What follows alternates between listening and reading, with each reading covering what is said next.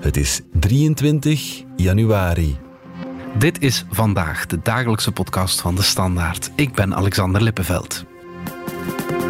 Nog voor er één aflevering was uitgezonden, kreeg het verhaal van Vlaanderen al bakkenkritiek, omdat het heel wat Vlaamse subsidies kreeg en het politieke propaganda zou zijn voor de Vlaamse zaak. Is het programma met Tom Waas als verteller echt de regeringsversie van de geschiedenis geworden? Of hebben de makers een programma afgeleverd dat gewoon goed is en niet zou misstaan in de lessen geschiedenis?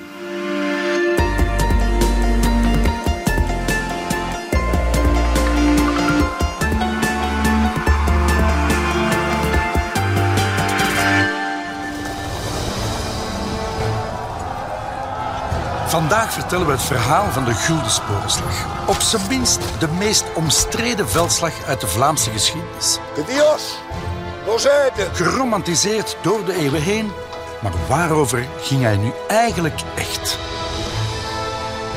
Vandaag kijken we naar hoe de slag is ontstaan, wat er precies is gebeurd en wat hij heeft betekend.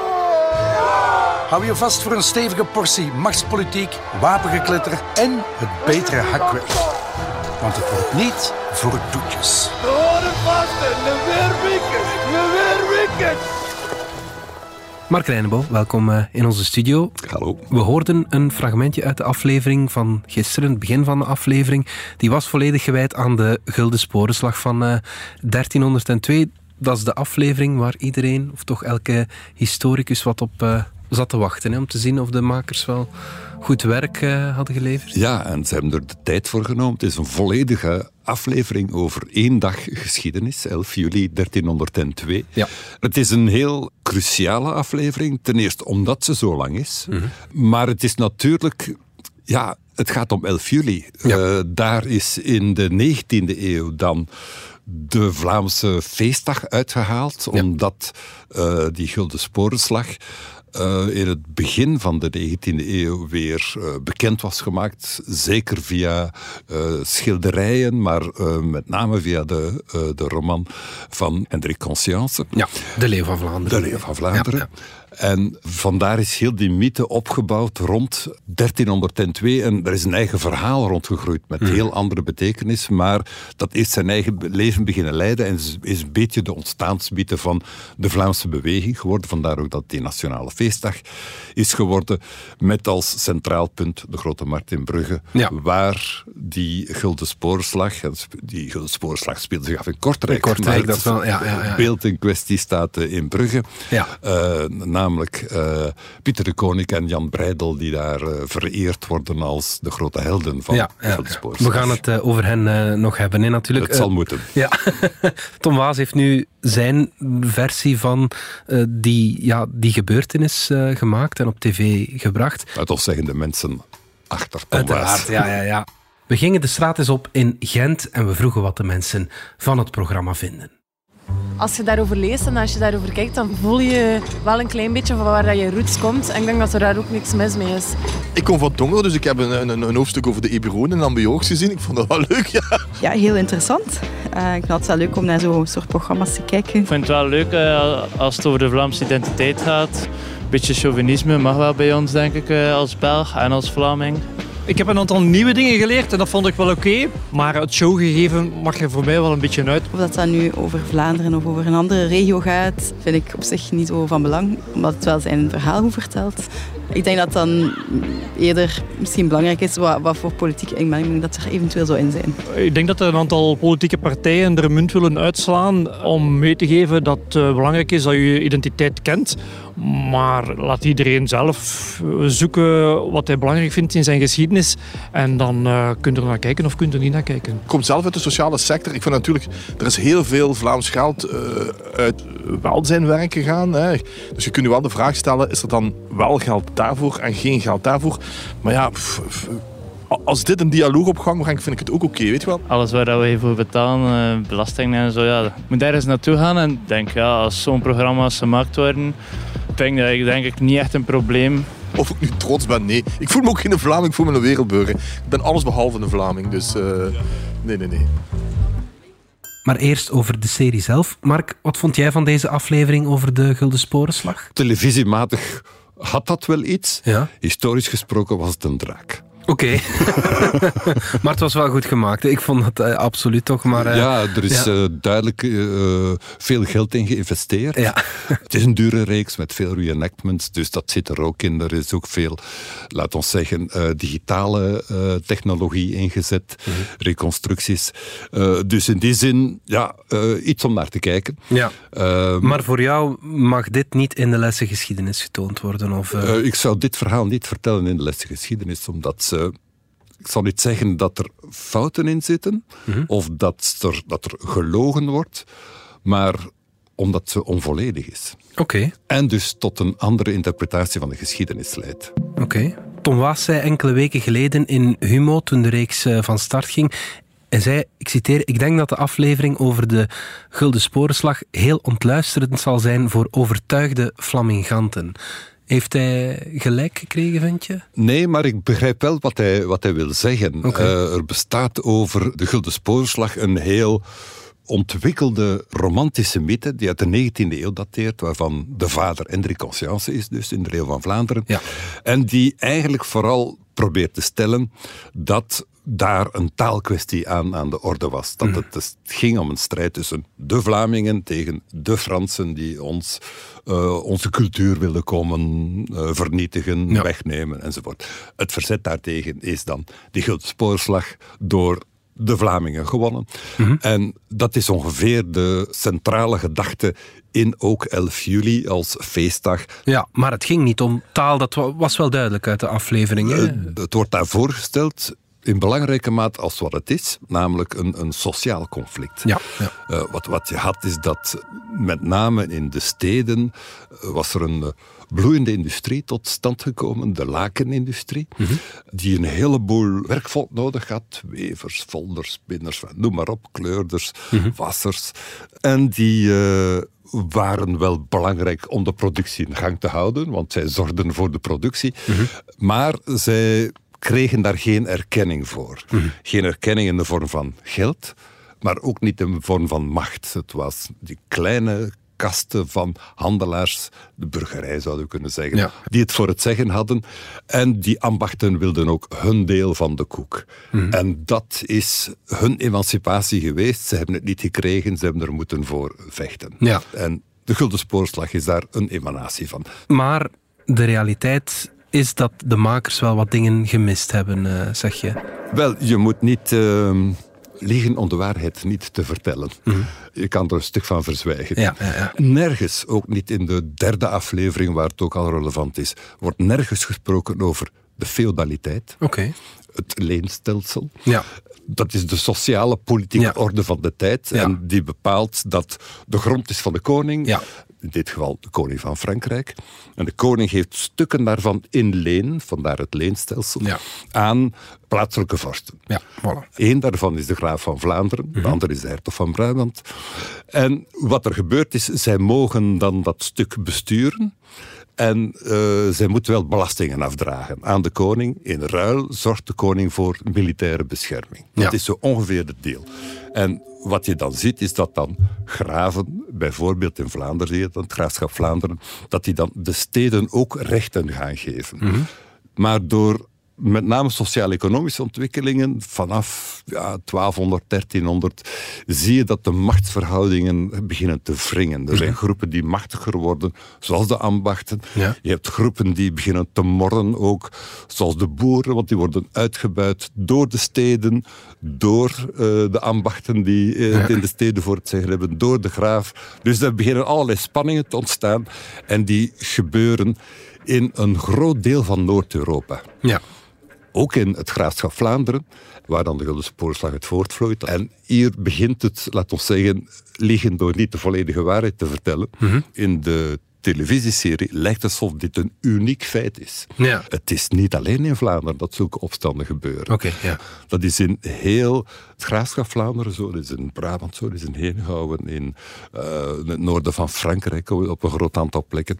En dat verontrust die Franse koning natuurlijk. hè, Ja, want die moet daar een beetje orde in zijn winkel kunnen houden. Ja. En als je naar de aflevering uh, gekeken hebt, zou het je bijvoorbeeld opvallen dat je niets verneemt over Gent. Ja, inderdaad. Dat ook een belangrijke stad was in het graafschap Vlaanderen. Ja. De reden was dat zij al een compromis onder elkaar hadden gesloten om binnen de stad de macht te verdelen en dat te regelen met de koning van Frankrijk. Dus Gent deed niet mee, want zij hadden hun zaakjes al geregeld. Ja, oké. ja, ja. Dus wanneer je dus dit allemaal weglaat, heel die, uh, laten we zeggen, context van sociale politieke spanningen. Wanneer je de feudaliteit als structuur eruit wegneemt, of onvermeld laat, dan moet je eigenlijk wel de vraag stellen wat komt die koning van Frankrijk eigenlijk doen in Kortrijk? Waarom stuurt hij zijn leger daar naartoe? Ja, ja, ja. En dan, en het woord valt een paar keer in, in de uitzending, dan lijkt dat een bezetting te zijn. Ja, een, ja. Uh, een soort ja, imperialistische agressie van de Franse koning ten koste van Vlaanderen. Nu, die idee van vreemde overheersers, die heeft nooit bestaan. Mm -hmm. Maar ze is nog zeer populair. En hier komt ze eigenlijk in een nieuwe versie aan. Ja. Laat ons zeggen, die idee van die oude mythe die hier terugkeert, is het gevolg van het feit dat men het niet over feudaliteit of over het leenstelsel wil hebben. Misschien vond men dat te moeilijk, ik weet het niet, maar het is Ja, want het is wel een heel complex verhaal, hè Mark, als ik het nu zo uh, hoor. Ik heb misschien niet goed opgelet op school vroeger. Wel, maar, uh, ja. Zo zat het. Ja, ja, ja, tuurlijk. Ja, ja, ja. Je haalde daarnet uh, Jan Breidel al aan, die samen met Pieter de Koning op de ja, de, de markt in Brugge staat, is het zeker. Die heb je nog niet vermeld in, in het hele verhaal. En die kwam ook niet voor in het programma. Dat heeft me zeer verbaasd dat hij daar niet in uh, vermeld werd zelfs. Hij is wel even te zien, met, met name in het decor, wanneer dat standbeeld uh, te, te, zien is. Maar ja, ja Tom Waas loopt daar weer met een fakkel voorbij, dus het is nogal donker allemaal.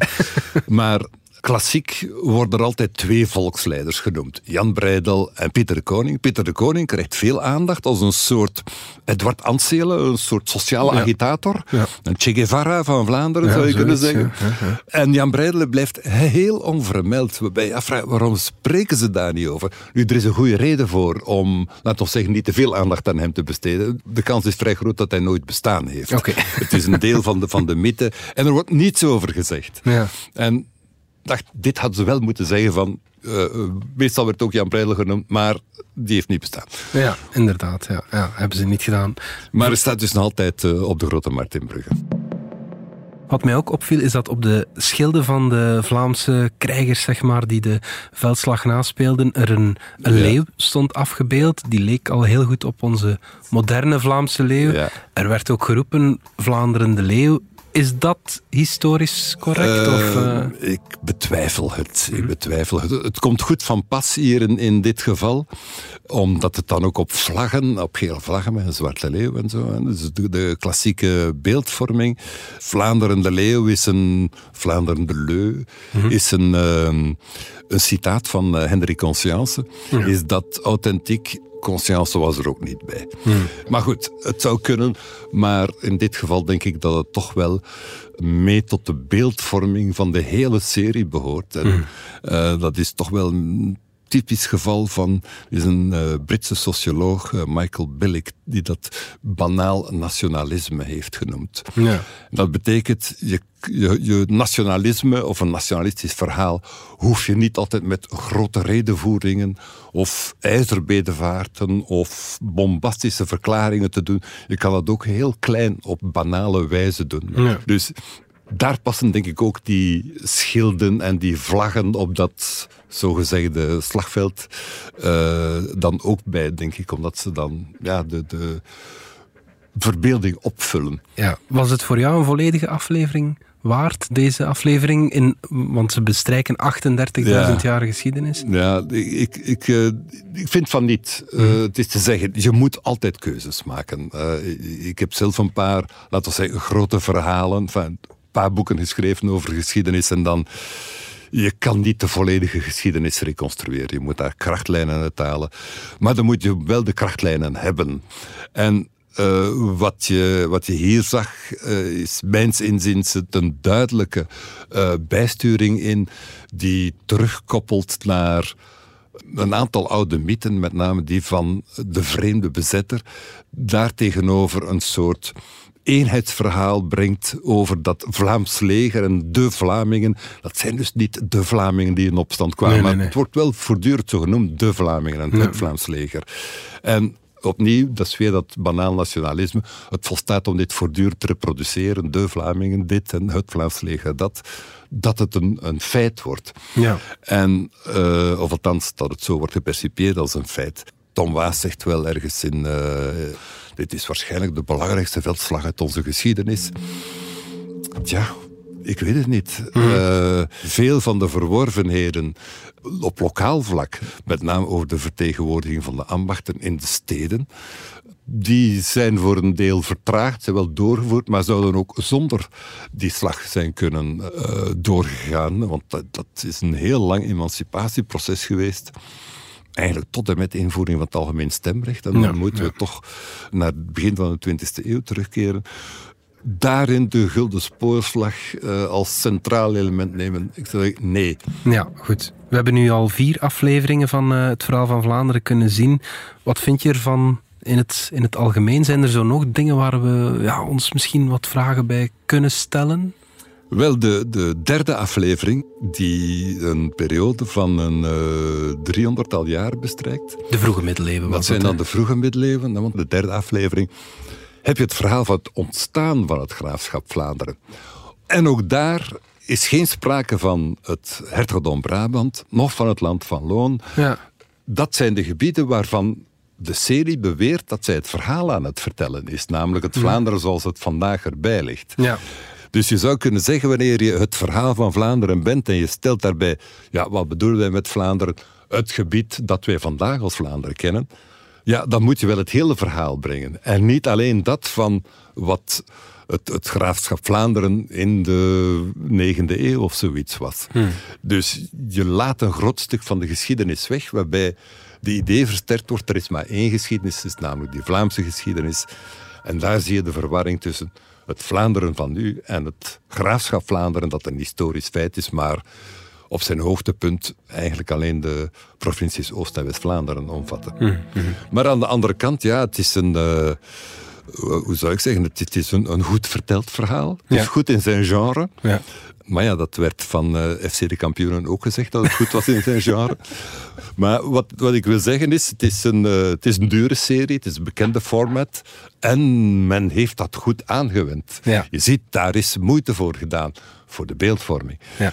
Wat het inhoudelijke verhaal betreft, zou je, goed, zeker in die tweede aflevering, dan die over de Romeinse tijd gaat, zou je kunnen afvragen, waren er niet wat elementen waarin, waaraan meer aandacht kon worden besteed dan aan De sommige- keizer van bij ons. eh, eh, onder andere was daar eh, een West-Vlaams keizer, enfin, iemand die werd genoemd, iemand van bij ons, een West-Vlaming die het tot keizer heeft gebracht. Zaak wel straf, hè? Een menapier van bij ons die het schopt tot keizer van Brittannië. Terwijl het eigenlijk een soort schurk was, een bandiet, Ja. een, eh, een krijgsheer, die eh, van het verval van het Romeinse Rijk gebruik maakte om zelf eh, voor eigen rekening te, te gaan werken. Is dat belangrijk? Nee. Het, het illustreert alleen maar dat het eh, Romeinse gezag ten onder gaat. Ja. Dus ja, je dat erin hebben? Dat kan, maar het is zeker geen must. Maar ehm, in de eerste aflevering over de prehistorie, de tweede over de Romeinse tijd, je kan daar niet veel ongelukken veroorzaken. Het wordt pas nijpend vanaf, eh, ja, vanaf de derde episode, waarin je ziet dat het perspectief heel smal wordt, namelijk eh, het, het oorspronkelijke graafschap Vlaanderen, wat in zijn eerste versie heel, heel klein was. Een soort moeras aan de kust, meer was het eigenlijk niet. Aan de andere kant, ja, dacht ik, vertel toch eens iets over het hertogdom Brabant. ja. Of over de Limburgers, die weer misdaan. dat ze weer worden... eh, die, ja, je moet kiezen, maar... Het, het probleem is een beetje dat de serie, voor zover ik het zeker in de drie eh, afleveringen die, eh, waarmee het begon, iets te vaak voor een wat sappig verhaal hebben gekozen. En, en het was- het was ook heel typerend. Judith, de koningsdochter die met eh, de eerste graaf van Vlaanderen, Boudewijn met een ijzeren arm, het aangelegd heeft. Die is misschien gevonden een aantal jaren geleden, althans haar stoffelijke overschotten, toen men een parking heeft gegraven onder het Sint-Pietersplein in Gent. Ja, ja. Of dat nu het gebeente is van, van haar, van Judith. who cares? Ja, maar, dat zeiden die historici ook in, het programma. Maar dan zegt Thomas, de historici moeten nu zwijgen, het is van haar. Ja. En dan denk ik, ja, dat is, dat is misschien fijn om te zeggen, maar eigenlijk zie je daar hoe zo iemand dan ik zeg, doe dat niet persoonlijk Tom Waas, maar hoe dan wordt ingebroken in de geschiedenis. We weten het niet, maar we vinden dat het zo, zo zou moeten zijn. Ja, ja, ja. En dat is een gevaarlijke attitude voor een historisch verhaal te vertellen. Ja. Straks hebben we het nog over ja, de financiën van de reeks, maar eerst gaan we er even uit voor reclame. De technologische innovaties en interessante condities bij Mercedes-Benz zetten je rijervaring werkelijk op zijn kop. Kom in januari langs bij Hedin Automotive en ontdek de vele ingenieuze luxe, veiligheids- en comfortpakketten op een breed gamma aan toonzaalmodellen. Of ervaar het gewoon zelf tijdens een uitgebreide proefrit. Ontdek onze voorraad aan stokmodellen op hedinautomotive.be of kom langs in een van onze 20 showrooms.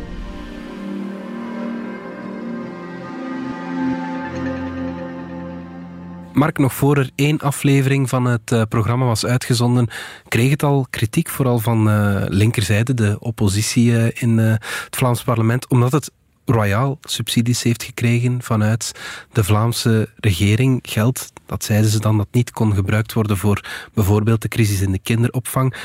Nu, is het echt zo'n probleem dat er zoveel belastinggeld naar een programma gaat? In, in, principe niet. Uh, je zou kunnen zeggen, elke kwaliteitsvolle zaak verdient het om uh, met de nodige zorg te worden bejegend. Mm -hmm. Het wordt al een beetje ingewikkeld wanneer de regering als zodanig ja, zich tot sponsor van een historische televisiereeks uh, ontpopt. En in dit geval was dat toch wel vrij flagrant. Het gaat over meer dan een miljoen aan bijzondere subsidies. En bij het bijzonder bedoel ik niet reguleren waar ook anderen een beroep kunnen op doen, zoals bij het Vlaams Audiovisueel Fonds of ja. bij Screen Flanders. Iedereen kan erop een beroep doen, maar de Vlaamse regering heeft besloten, we gaan daar nog een, een lap bovenop leggen. Ja, oké. En veel. Ja. En Vlaams minister Demir heeft in het Vlaams parlement gezegd dat zij en een aantal van haar collega's het initiatief tot de reeks hebben genomen. -hmm.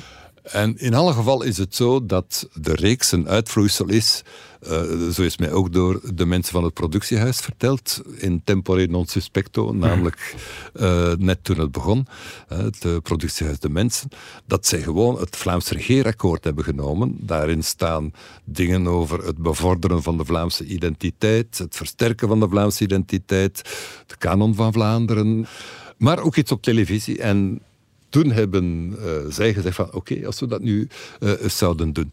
En dan zie je dat het productiehuis, uh, die een Deense format daarvoor had aangekocht, ja, eigenlijk een uitvoering geeft aan een element in het Vlaams regeerakkoord. Wat je kan veronderstellen is dat de makers zich een beeld hebben gemaakt van uh, wat, zou de, wat zou er daar in de smaak kunnen gevallen zijn. Ja.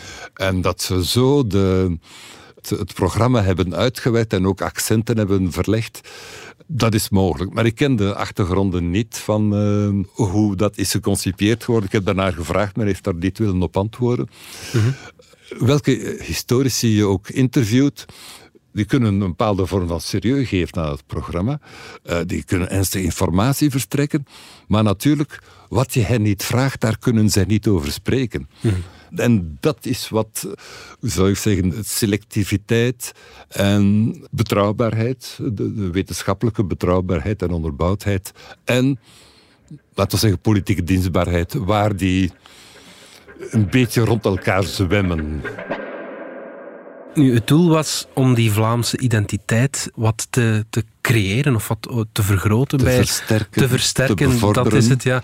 Ik, ik heb als kijker niet het gevoel dat ik hierdoor meer uh, Vlaming word of me meer Vlaming ga voelen of zoiets. Uh, ja. Zijn ze daarmee hun doel wat voorbijgeschoten, zeg maar? Weet jij wat identiteit is? Nee, nee ja, dat, is, dat is ook al zo'n Dat is het probleem. Je, hebt, je hebt voortdurend dat gepraat over identiteit. En, en dan heeft ook uh, N-VA-voorzitter Bart de Wever, die eigenlijk, denk ik, de genius achter dit hele geval is. Ja. Zich op de nieuwjaarsreceptie van zijn partij vorige week zich nog laten ontvallen op zijn bekende knorrende wijze van waarom kunnen de mensen nu niet fier zijn op hun eigen geschiedenis. Het verhaal van Vlaanderen, vrienden. We kregen helaas recent nog eens onder ogen dat dat verhaal volgens de linkerzijde niet mag bestaan. En als het al bestaat, dan is het een slecht verhaal. Een gitzwart verhaal waarvoor wij ons zouden moeten schamen. Als er een Europees kampioenschap zelf afbraak zou bestaan, de Vlaamse linkerzijde won het met de vingers in de neus. Het ging over de kritiek die wel eens te horen is op, over het verhaal van Vlaanderen het is zo dat nationalisten geloven dat uh, geschiedenis, en dat, is, dat zijn dan de romantische nationalisten, bedoel, dat zijn dan die die hun bronnen in de 19e eeuw hebben, die geloven dat geschiedenis belangrijk is, omdat dat het gevoel van trots geeft. Terwijl, ja, de natievorming van die dingen. En dat leidt dan tot natievorming. Dat is, dat is de, de idee. En, en de Wever heeft daar tamelijk coherente toespraken over gehouden. Dat dat zijn idee is. Maar dat wordt voortdurend wordt daar gesproken over identiteit zonder dat eigenlijk duidelijk is waarover gaat dat, wat is dat. Daar heeft een volstrekte schizofrenie over. Mhm. Je hebt aan de ene kant uh, bijvoorbeeld de makers van de kanon en nu ook Tom Waas, die dan zegt: uh, identiteit, allemaal niks mee te maken. Ja. En aan de andere kant zijn er de opdrachtgevers, of tenminste de financiers van zowel de kanon als uh, het verhaal van Vlaanderen, die van beide zeggen dat dient om de identiteit te versterken. Nu, het enige wat ik daar altijd in zie, is opnieuw dat banaal nationalisme van die Britse socioloog, Billig. Ja. Uh, het, het volstaat voortdurend over Vlaanderen te spreken en dan bestaat het ook. Want we hebben het, we spreken daarover. Dus de identiteit is dat het bestaat. Ja. En is dat de, de, de, bedoeling? Ik twijfel daar een beetje aan. Mhm. En dat is ook wat eh, het geval is met, eh, ja, met deze serie. En het is niet de bedoeling, maar het gaat voortdurend. En zeker eh, is die aflevering over de Gulden Sporenslag daar een type voorbeeld van. Op, over een voortdurende bevestiging van een bepaalde visie over de Vlamingen, eh, zij ontstaan, een feestdag, et cetera. Dat soort dingen. Terwijl dat aantoonbaar een slechts de helft van het verhaal is. Ja. En een bepaalde opzicht zelfs een onjuist verhaal. We luisteren even naar Tom Waas in De Afspraak. In die end denk ik dat het ligt in de eye of the beholder. En de beholder is, zijn die mensen die, en daar trek ik mij aan op, zijn de mensen die mij mhm. persoonlijk op mijn Instagram bedanken. Die zeggen, merci om met mijn zoon en een dochter aan tafel te krijgen. Merci om iets te laten zien dat ik niet wist. En, en zo proberen wij ja, een, een goed verhaal over onze geschiedenis te vertellen. Ja, Mark, heeft hij geen punt? Uh, is dat niet de verdienste, dat, dat mensen op zijn minst geïnteresseerd raken in... Wel, het is zeker zo, dat is mij nu weer opgevallen, uh, dat uh, de, de, kennis van de geschiedenis bij ons tamelijk beperkt is. Ja. Uh, en Enfin, ik ben zelf geen professional uh, in, in, de geschiedenis, maar ik hou me wel mee bezig en ik merk ook dat ik veel dingen altijd moet gaan opzoeken. En wanneer je dat dan gepresenteerd krijgt in een laten we zeggen, vlot verhaal, dan denk ik, ja, tof dat dat er is. Ja. Maar wat een gemiste kans om nu eens dat verhaal treffelijk te vertellen. Er is het geld, er is de belangstelling, er is de zendtijd, er is de medewerking van de VRT. Jan-Jan Bon is bereid om daar meer dan een miljoen tegenaan te gooien. Mm. Laten we nu eens een geweldig programma maken dat zo veelzijdig mogelijk is en zo juist mogelijk verteld wordt. Want dat mag een beetje kosten. En dan ja, heb je dit soort alslachtigheden weer. Dat van metafaan de voorspelbare en voorspelde fouten uh, ging maken. Mhm. En ja, het is jammer. Het is, het is goed dat daar veel kijkers voor zijn. Het is goed dat het belangstelling trekt. Het is goed dat er belangstelling voor de geschiedenis wordt gewekt. Maar de zin voor het, of de intentie voor het goede begrip, de, de genuanceerde kijk op de geschiedenis, de kijk van verschillende kanten, de veelzijdigheid van de geschiedenis, die ontbreekt daar helemaal. Ja. En dat vind ik zo jammer. Ja, maar ga je toch blijven kijken? Uh, ik moet voor het werk. de krant heeft mij gevraagd om het in de gaten te blijven houden. Uh, er is één, één uh, aflevering die mij bijzonder interesseert, of althans die mij heel delicaat lijkt. Ehm, dat is die over het eh, einde van de 18e, begin 19e eeuw. Eh, die in het resume van, zoals de VRT dat voorstelt, de titel draagt voor ouder en heert. Dat is de slogan van de Boerenkrijg. Mhm. En dat is een uitzending waarin de Boerenkrijg en de Brabantse revolutie en de Belgische revolutie zitten eh, ja. in één pakket gegooid. En waarbij blijkbaar, toch volgens de titel, de boerenkrijg het belangrijkste is, terwijl de boerenkrijg, ik weet het niet. Ja. Eh, ik ben al een beetje op mijn ongemak sinds ik zag dat ze de Brabantse revolutie omschreven als de Brabantse omwenteling. Ja. Wat ehm, een heel ouderwetse omschrijving is. Ja, ik ben ook wel benieuwd naar de collaboratie, wat ze daarover eh, Oh, gaan ik zeggen. weet, ik weet zeker dat zal eh, niet vergoelijkend zijn, dat Nee. zal niet eh, verbergend zijn, zal misschien hier en daar op een idealisme worden gewezen. Ja. Het identitaire nationalisme van vandaag kan met de collaborateurs niets aanvangen. Nee, ja. Ze zijn bezig met België weg te duwen. Ja. En, en dat is waar het over gaat. Oké, goed. Mark Reinemo, dankjewel. Alsjeblieft. Blijf nog even hangen, want ik heb een bijzondere luistertip.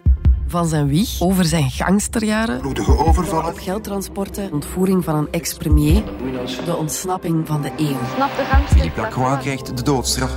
tot zijn leven nu als vrij man. Hoe wordt iemand wie hij geworden is? Philippe Lacroix, brein van de bende Hamers, vertelt voor het eerst zijn hele verhaal. Beluister de nieuwe True Crime podcastreeks van de Standaard, Lacroix, Ik was gangster. Via je favoriete podcast-app, onze nieuws-app of standaard.be-podcast. Dit was vandaag de dagelijkse podcast van De Standaard. Bedankt voor het luisteren. Volg ons op Spotify, Apple Podcast of eender welk ander podcastplatform. In onze gratis app DS Podcast kan je niet alleen ons werk beluisteren, maar ook de beste podcasttips terugvinden met zorg geselecteerd door onze redacteur Max de Moor. Alle credits van de podcast die je net hoorde vind je op standaard.be-podcast. Reageren kan via podcast.standaard.be. Morgen zijn we er opnieuw.